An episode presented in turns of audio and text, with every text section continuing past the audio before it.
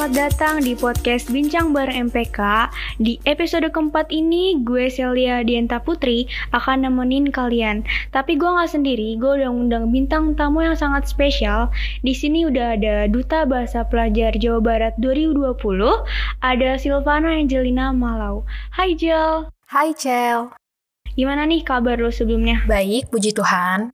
Alhamdulillah ya.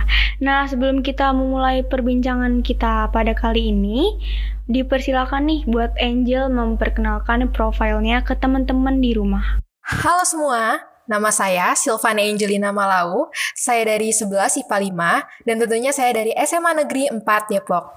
Halo semua, salam kenal. Salam kenal, Angel. Nah, sebelum kita mulai perbincangan kita, menurut lu lebih baiknya kita pakai aku kamu atau lu gue nih? Kayaknya lu gue aja gak sih biar lebih natural. Oke, okay.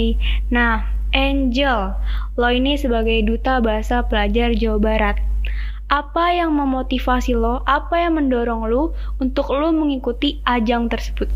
Uh, awalnya sih gue ingin membuat diri gue lebih lagi tertantang dan gue juga ingin uh, mencari sebuah aktivitas-aktivitas baru nih di tengah pandemi yang membosankan. Itu Cel.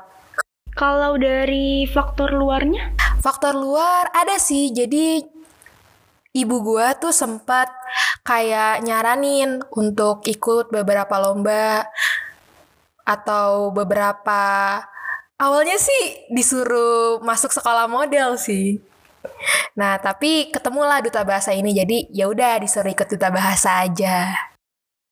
Nah, berarti lu udah tertantang sama apa yang ibu lu saranin pastinya ya Iya, kan? bener banget, Cel. Nah, untuk menjadi seorang duta bahasa, ada syarat-syarat tertentunya nggak? Pastinya ada dong. Boleh deh dijelasin ke teman-teman di rumah. Yang pertama, itu harus pelajar SMA, SMK, MA yang pastinya berdomisili Jawa Barat, lalu menguasai bahasa Indonesia, bahasa daerah di Jawa Barat, dan juga satu bahasa asing. Yang pasti kita harus memiliki kepribadian baik dan memiliki keterampilan yang dapat dipertunjukkan nih Cel, karena nanti bakal ada unjuk bakatnya juga. Berarti nggak cuman pengetahuan, tapi ada bakatnya juga ya kan? Bener banget. Nah, untuk menjadi seorang duta bahasa, pasti nggak ada yang instan dong. Iya. Pasti ada proses yang sangat jauh dan tantangannya banyak. Nah, apa aja sih proses dari awal sampai akhir untuk menjadi seorang duta bahasa pelajar? Oke, jadi gue jelasin ya dari awal banget sampai akhir banget ya, Cel. Boleh. Jadi awalnya kan pertama ibu gue bilang untuk udah nih ada duta bahasa Jawa Barat, masuk aja. Terus ya udahlah, kita cobalah satu aktivitas yang baru yang emang gak banyak orang juga orang Depok yang tahu juga kan. Cobalah. Terus habis itu uh, gue tuh disuruh bikin nih menja untuk menjawab pertanyaan satu pertanyaan dari tiga pertanyaan yang udah diberikan oleh panitia melalui video. Setelah itu itu ada dipilih menjadi 100 besar. Dari video tersebut dipilih menjadi 100 besar Kemudian dari 100 besar itu kita dites lagi nih Cel. Kita dites melalui tiga tahapan. Yang pertama kita harus membuat esai, tiga esai. Esai bahasa Indonesia, bahasa Inggris, dan juga bahasa daerah. Yang kedua, kita disuruh kita disuruh mengikuti tes UKBA yaitu uji kemampuan bahasa asing dan yang ketiga, kita harus menjalani juga tes psikologi. Nah, setelah itu Dipilihlah 40 besar duta bahasa pelajar Jawa Barat yang akan dikirimkan di Bandung untuk menjalani final cel. Nah, dari proses yang sangat amat panjang itu, di bagian apa lo merasa kayak gue bisa nggak ya gitu? Yang paling berat menurut lo? Yang paling berat sih itu di bagian esai. Wah itu bener-bener yang kayak gue aja nggak nyangka gue bisa ngerjain. Karena kayak gue cuman bilang sama Tuhan gue kayak e, Tuhan kalau emang gue diizinin buat keterima 40 besar, berarti gue mampu ngerjain ini. Jadi gue kayak ya udah tangan gue aja yang kerja gitu. Gue tuh nggak pernah mikirin gue ngerjain itu gue usah dipikirin. Yang penting kerjain aja. Gitu Cel. Nah, kalau dari isi esainya itu apa? Isi esainya itu jadi kita hamin satu menit sebelum kita ngerjain esai kita udah dikasih topiknya apa yang kita harus buat di esai itu.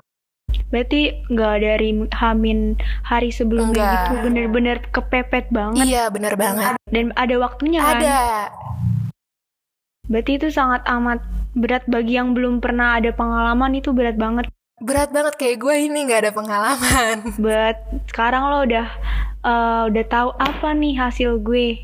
Puji Tuhan. Nah, seorang duta bahasa. Ya. Apa menurut lo duta itu? Menurut gue itu duta itu seperti seorang penutur yang yang mengajak kawan-kawannya untuk yuk kita bisa melakukan ini bareng-bareng gitu. Berarti bisa dibilang lo ini sebagai rep duta ini sebagai representatif contoh ya kan? Iya bener banget. Yang pastinya duta bahasa pelajar berarti sebagai contoh yang baik untuk pelajar-pelajar di Jawa Barat. Nah, seorang duta bahasa pelajar Jawa Barat. Kenapa bahasa Indonesia itu penting menurut lo? First of all, kenapa bahasa Indonesia itu penting? Ya karena itu bahasa kita sendiri. Apa yang kita lakukan sehari-hari. Kan banyak banget nih ya zaman sekarang tuh yang anak-anak zaman sekarang yang lebih suka ke bahasa Inggris kan ngomongnya dibandingkan bahasa Indonesia. Bayangin deh gimana sih itu ya. Padahal kita tuh tinggal di Indonesia gitu loh. Kenapa kita pakai bahasa Inggris? Padahal banyak juga negara di luar sana yang gak memiliki bahasanya sendiri. Jadi mereka menggunakan bahasa in- internasional. Tapi kenapa kita yang memiliki bahasa nasional kita sendiri, kenapa kita nggak mempergunakannya dengan baik, Cel? Berarti bahasa Indonesia itu adalah bahasa yang sangat penting. Bener banget. Nah, gimana cara lu sebagai duta bahasa untuk mengajak teman-teman di rumah atau teman-teman yang lain di Jawa Barat ini agar lebih bisa mencintai bahasa kita? Eh, simple sih. Pertama kita tuh harus suka. Kalau lo udah suka sama sesuatu hal, even apa pun itu, lo pasti bisa mempelajarinya itu. Lo pasti bisa eh, ngerti. Oh, gue harus kayak gini, harus kayak gini. Jadi pertama lo harus cinta, suka dulu sama bahasa lo, baru lo bisa mencintai bahasa itu ter- bahasa tersebut. Nah, berarti yang dari Angel bilang, ketika lo ingin bisa untuk sesuatu, lo harus suka dulu. Sama kayak halnya pelajaran. Kalau misalkan lo mau bisa di pelajaran ini, lo harus suka dulu. Karena kalau lo udah suka, pasti lo akan berusaha lebih keras. Gimana sih caranya biar gue bisa, biar gue mampu? Ya kan pastinya. Benar banget, Icel. Apalagi kita sebagai pemuda Indonesia. Masa sih kita nggak mau buat negara kita maju? Mm-mm, benar banget. Salah satu gimana sih kita negara kita maju tuh yang pastinya dengan mencintai bahasa kita. Karena dengan kita mencintai bahasa kita, eh, mungkin nanti bahasa Indonesia tuh bakal lebih dikenal sama mancanegara. Karena kalau misalkan dilihat dari sekarang bahasa Inggris yang masih yang Iya. diutamain banget. Iya, karena bahasa Inggris juga sebenarnya bahasa internasional. Tapi kita kan memiliki bahasa nasional. Kenapa kita tidak memakai bahasa kita sendiri, baru kita menggu- kita menguasai bahasa asing. Berarti sebelum kita mencintai apa pun yang di luar, cintai dulu yang di dalam. Bener banget. Nah, eh, lo seorang duta bahasa pelajar Jawa Barat. Apa aja yang udah lo lakuin? Apa aja sih kontribusi lo selama lo jadi duta bahasa? Jadi, gue membuat sama teman baik gue membuat satu krida yang namanya adalah remedial. Coba tebak remedial itu apa? Remedial kalau ulangan diulangkan? Oh, bukan, tentu bukan. Jadi remedial itu adalah rangkul eksistensi media sosial. Di sini gue ingin membuat media sosial itu bukan sebagai sarana untuk mempertunjukkan hal-hal yang buruk, namun kita juga dapat membuat media sosial sebagai sarana, sarana untuk membagikan edukasi, Cel. Karena kalau misalkan yang kita lihat media sosial itu banyak digunakan untuk hal-hal negatif. Salah satunya tuh bullying ya nggak sih, Jel? Iya, bener banget. Nah, kalau dari tujuan lo itu gimana cara lo eh, mempromosikan untuk menggunakan media sosial dengan yang baik dan benar? tentunya kita harus membuatnya semenarik mungkin biar mereka semua di luar sana tuh bakal ngerasa nyaman juga belajarnya Cel jadi nggak bosan-bosan banget kan kita kalau belajar di sekolah kan kayak baca buku nah kita bikin yang lebih menarik tentunya dari media sosial yang di mana kita setiap hari selalu ngeliat-ngeliat kan yang selalu kita uh, pantengin nih setiap hari. Nah jadinya gue pengen di sini bikin media sosial tuh bukan hanya untuk tempat hiburan, namun juga tempat edukasi yang tidak membosankan. Kalau menurut lu, Tadi lo bilang kita harus menggunakan media, media sosial yang baik. Menurut lu apa poin penting untuk menggunakan media sosial dengan baik dan benar? Maksudnya poin penting gimana ya, Cel? Uh, poin yang udah lo buat di remedial itu loh. Oh, jadi poin-poin penting yang gue buat sama teman baik gue itu kita mempresentasikan mengenai bahasa dan sastra namun dalam media yang tidak membosankan. Pertama, kita mempresentasikan mengenai penggunaan EYD yang tepat. Lalu yang kedua itu kita mempresentasikan mengenai padanan bahasa Indonesia dalam kehidupan sehari-hari. Coba nih gue tanya ke Icel, gantian ya nanya. Uh, Icel tahu nggak kira-kira apa padanan dari handphone? Wait, wait. Kenapa sekarang jadi gue yang ditanya ya? Ini nar narasumbernya siapa sebenarnya? Gantian kali ya. apa tadi? Uh, Ical tahu nggak nih padanan bahasa Indonesia dari handphone yang kita pakai sehari-hari? Handphone HP? Iya. Bener nggak? Bukan, itu mah singkatan Ical. Ya deh, apa nih jawabannya? Oke, bagi teman-teman yang di rumah yang belum tahu, jadi Padanan bahasa Indonesia dari handphone adalah gawai. Dan sebenarnya bukan hanya itu aja, masih banyak lagi padan padanan bahasa Indonesia yang kita belum tahu. Oleh karena itu, manfaatkanlah media sosial sebaik-baiknya, pergunakanlah media sosial sebagai sarana untuk kita menimba ilmu. Nah, tuh teman-teman di rumah. Berarti mulai dari sekarang ayo rubah prinsip kita. Nah, kalau misalkan kita menggunakan media sosial itu harus ada tujuannya juga. Jangan cuma buat hiburan doang pastinya ya kan? Bener. bisa menjadi kita untuk ajang berprestasi ajang kita mencari ilmu pengetahuan dan juga bisa mencapai kesuksesan bahkan. Karena banyak dari orang-orang di luar sana sukses dengan caranya sendiri. Dan salah satunya dari media sosial tentunya ya kan? Iya benar banget. Nah dari tadi kita udah ngobrol jauh Pastikan mungkin ada pendengar yang tertarik nih untuk menjadi duta bahasa. Ada tips dan triknya nggak? Pastinya ada dong, Cel. Kalau kalian ingin menjadi duta bahasa, tentunya kalian juga harus menguasai bahasa yang akan diujikan nantinya. Pokoknya yang pertama adalah niat. Mau apa pun yang kalian lakukan, selagi ada niat, pasti Tuhan ngasih jalan. Dan satu lagi, kalau misalkan kalian sedang berproses, berproses menuju apa pun itu, menuju berproses ingin menjadi duta bahasa, duta hukum, atau duta genre, ketika kalian mendapatkan tantangan, tantangan sebesar apa pun itu, itu yang bikin kalian menjadi berhasil, Cel. Percaya nggak sih sama itu? Percaya, gue percaya banget. Karena kalau misalkan ni dari niat kita udah baik dan pikiran kita positif, maka nanti hasilnya juga akan mengikuti dengan niat dan pikiran kita pastinya ya kan. Iya bener banget Cel. Apalagi untuk pemuda sekarang, pelajar sekarang. Ayo sama-sama kita membenahi diri kita untuk menjadi lebih baik lagi. Karena kalau misalkan bukan dari sekarang mau kapan lagi? Mau kita pas lulus SMA? Itu udah nihil banget gak sih? Iya itu udah terlambat banget karena sekarang kita lagi SMA uh, eh, kita tuh harus mempergunakan waktu dengan tepat untuk mencari relasi Cel untuk di kemudian hari. Karena relasi itu penting banget sih Cel. Relasi penting. Kenapa penting menurut lo? Karena suatu saat nanti kita sebagai manusia kita nggak mungkin hidup sendiri. Pastinya kita membutuhkan orang-orang yang membantu kita untuk mencapai mimpi-mimpi kita, Cel. Berarti mempunyai teman itu sangat penting. Bener banget. Bukan cuma teman main. Iya. Nah, tadi lo bilang relasi itu sangat penting untuk masa depan kita. Gimana sih cara kita mencari relasi itu? Tentunya banyak banget sih cara kita untuk mencari relasi.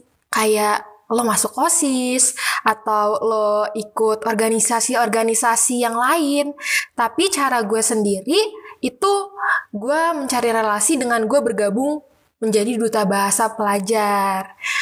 Itu Cel. Uh, bukan cuma itu, tapi kita juga bisa melalui media sosial ya kan? Iya benar banget tuh. Karena dari media sosial kita menemukan orang banyak Bahkan mungkin orang itu berprestasi, bisa menjadi teman kita, berbagi pengalaman, dan itu akan menjadi positive vibes juga buat kita sendiri nantinya ya kan? Iya. Nah, Angel, lo ini sebagai duta bahasa pelajar Jawa Barat. Boleh nih, kasih pesan untuk pelajar Jawa Barat di rumah. Eh, jangan Jawa Barat dulu deh, untuk teman-teman Swiss. Pastinya ada dong. Menurut gue sih, ketika lo lagi mencari atau lagi mencoba hal-hal yang baru, itu jangan pernah menganggap diri lo tuh nggak mampu. Lo harus bilang sama diri lo tuh gue bisa, gue bisa. Karena gue percaya apa yang ada di pikiran lo sekarang, lo ngayal dulu aja. Pasti suatu saat itu bakal kejadian. Gue sih percaya sama itu. Dan yang kedua, jangan pernah membatasi diri lo sekarang tuh kita kan masih muda ya Cel kita kayak cari-cari hal-hal yang menurut kita cocok gitu loh jadi kita cobain satu-satu mana tahu nyangkut contohnya misalkan lo suka ngomong cobalah mempelajari public speaking atau lo suka joget bisa kan sekarang ada namanya platform TikTok kita bisa joget-joget di situ. Nah, mungkin di situ lo bisa mengabadikan atau lo memberikan ide-ide lo mengenai koreografi joget-joget gitu. Dan terus yang ketiga sih gue sih ingin mengajak kita kayak yuk kita pelajarin budaya bahasa dan sastra kita karena ini tuh penting banget sih buat teman-teman di rumah, bahasa daerah sama bahasa Indonesia itu penting banget, Cel. Tahu nggak sih lu berapa bahasa daerah di Indonesia? Hmm, puluhan, ratusan? Bener banget, ada 718 bahasa daerah di Indonesia. Banyak banget kan, Cel? Banyak banget, sumpah itu. Bayangin gak sih teman-teman di rumah kalau misalkan 708 ba 718 bahasa daerah tidak ada yang mewariskan, bagaimana nasib bahasa daerah tersebut? Pasti lambat, lambat laun itu bakal punah kan, Cel? Nah, misalkan kita sebagai pelajar Jawa Barat, setidaknya kita mengerti dulu nih, apa itu bahasa Sunda, lebih tepatnya itu kan bahasa di Jawa Barat kan? Kita mengerti dulu sedikit sedikit gak apa-apa mengenai bahasa Sunda. Karena sedikit itu sangat perlu dibandingkan tidak sama sekali, Cel. Betul. Nah, dari apa yang udah Angel sampaikan, kita sebagai pelajar, sebagai siswa pastinya ya kan, ada gak sih menurut lo gimana etika berbahasa yang baik ke guru? Karena dari yang gue lihat ini masih banyak banget pelajar-pelajar di rumah bahkan mungkin ada teman-teman FIS di rumah belum tahu nih gimana sih cara kita beretika berbahasa yang baik ke guru. Coba gantian nih, sekarang gue tanya ke Ica. lagi yang ditanya ya. Iya dong, menurut lo gimana nih cara berbahasa yang baik ke guru? Berbahasa langsung atau tidak langsung nih? Karena kita sedang pandemi, coba tidak langsung. Berarti chat kan? Mm -mm. Mungkin kita bisa dengan mengucapkan salam, terus kita kenalin nih siapa kita, terus kita sampein tujuan kita, dan jangan lupa kita minta maaf kalau misalkan kita mengganggu dia dan terima kasih pastinya. Kalau dari gue sih gitu, kalau dari lu? Oh, bener banget sih Cel. Gak jauh dari lo. Pertama, kita pastinya harus mengucapkan salam terlebih dahulu, lalu kita memperkenalkan diri. Lalu habis itu uh, kita memberitahu apa sih yang menjadi kebutuhan kita untuk menghubungi guru tersebut. Nah, karena kita juga sebagai pelajar, tentunya kita harus beretika nggak sih, Cel? Itu bener banget, sumpah. Karena etika tuh sangat amat penting, bukan cuma ke guru, ke teman sebaya, terus teman yang lebih tua, orang tua, guru, dan lainnya tuh penting banget. Etika tuh paling penting. Iya, karena pinter itu nggak cukup, Cel. Tapi kalau kita nggak punya etika, itu semuanya akan hangus. Nah, tadi Angel bilang, percuma pinter tapi kita nggak punya etika. Karena kalau menurut gue sendiri, Angel, ketika kita ngeliat orang lain, itu yang di pikiran kita tuh bukan dia pinter nggak ya? Enggak dong. Yang pasti yang pertama kita lihat, dari etikanya, mulai dari etika berpakaian dia, etika dia ngomong gimana, sikap dia gimana ya kan. Nah, kalau lo nih, lo sebagai duta bahasa pelajar, apa yang udah lo pelajari selama lo jadi duta pelajar? Yang terpenting sih mengenai etika ya. Karena di syarat menjadi duta bahasa harus memiliki kepribadian baik, tentunya kita juga harus memiliki etika yang baik. Nah, ketika gue menjadi duta bahasa pelajar, kita tuh kayak sudah dikasih pembinaan gitu, Cel, selama beberapa hari sebelum menuju final. Nah, jadi kita di situ dikasih tahu mengenai pertama, pastinya etika kita sebagai duta bahasa pelajar itu apa aja. Nah, yang kedua itu mengenai apa sih duta bahasa itu apa sih ikadubas itu? Kayak gitu cel. Jadi bukan cuman kita dikasih tahu mengenai materi tapi etika itu hal yang paling penting juga dalam duta bahasa. Oh berarti untuk menjadi seorang duta bahasa itu nggak gampang ya kan? Ada banyak yang harus dipelajari dan pastinya harus dipraktekkan. Karena kan lo ini sebagai contoh Bener banget, Cel. Nah, untuk teman-teman di rumah gimana nih? Tertarik nggak untuk menjadi seorang duta bahasa? Gak cuma duta bahasa, tapi duta itu banyak ya kan, Jel? Ada apa aja deh? Contohnya tuh sekarang ada duta genre, duta baca, duta hukum, dan ada juga gadis majalah. Pasti masih banyak lagi uh, perlombaan pigeon yang tentunya kita selagi masih muda harus mempergunakan waktu kita untuk ngikutin aja tuh satu-satu nggak apa-apa. Nah dari cerita Angel tadi, gue boleh ambil kesimpulan dikit nih. Kita sebagai generasi muda jangan pernah takut untuk men-survive diri kita untuk lebih baik lagi. Jangan pernah takut gagal. Coba aja dulu. Kalau misalkan niat kita baik dan didorong dengan pikiran kita yang positif, insya Allah dengan ridho Allah pasti semuanya akan berjalan dengan baik juga. Setidaknya kita harus mempunyai niat untuk membenahi diri kita untuk lebih baik lagi. Ya kan, Jel? Benar banget, Cel. Nah, gimana nih, Jel? Uh, kesan lo setelah lo mendengar lo diundang ke BBM episode keempat dan sebagai narsum pastinya. Pastinya senang banget ya dan it's an honor for me uh, bisa diundang ke podcastnya eh, MPK 4 Depok ya? Iya. Dan kiranya juga apa yang gue sampaikan di podcast kali ini bisa menginspirasi teman-teman bahwa kita tuh bisa mengeksplor dunia ini lebih jauh lagi. Semua itu tergantung niat kita. Nah, terakhir nih, gue mau ngucapin terima kasih banget, thank you buat Angel yang udah ngeluangin waktunya buat ngobrol bareng gue tentunya. Dan semoga dari cerita lo ini, teman-teman di rumah yang denger bisa termotivasi, bisa tergerak dirinya untuk menjadi lebih baik lagi. Lo gak keberatan kan ini gue undang? Enggak dong. Apa di episode selanjutnya mau gue undang lagi? Ah cukup cukup jauh cukup jauh. Eh tapi mana tahu nanti ada duta-duta yang lain nah, lagi. kan makanya itu teman-teman di rumah harus semangat mengejar cita-cita yang lebih baik lagi. Nah sekian dari episode keempat kali ini. Thank you dan sampai jumpa. Bye. Bye.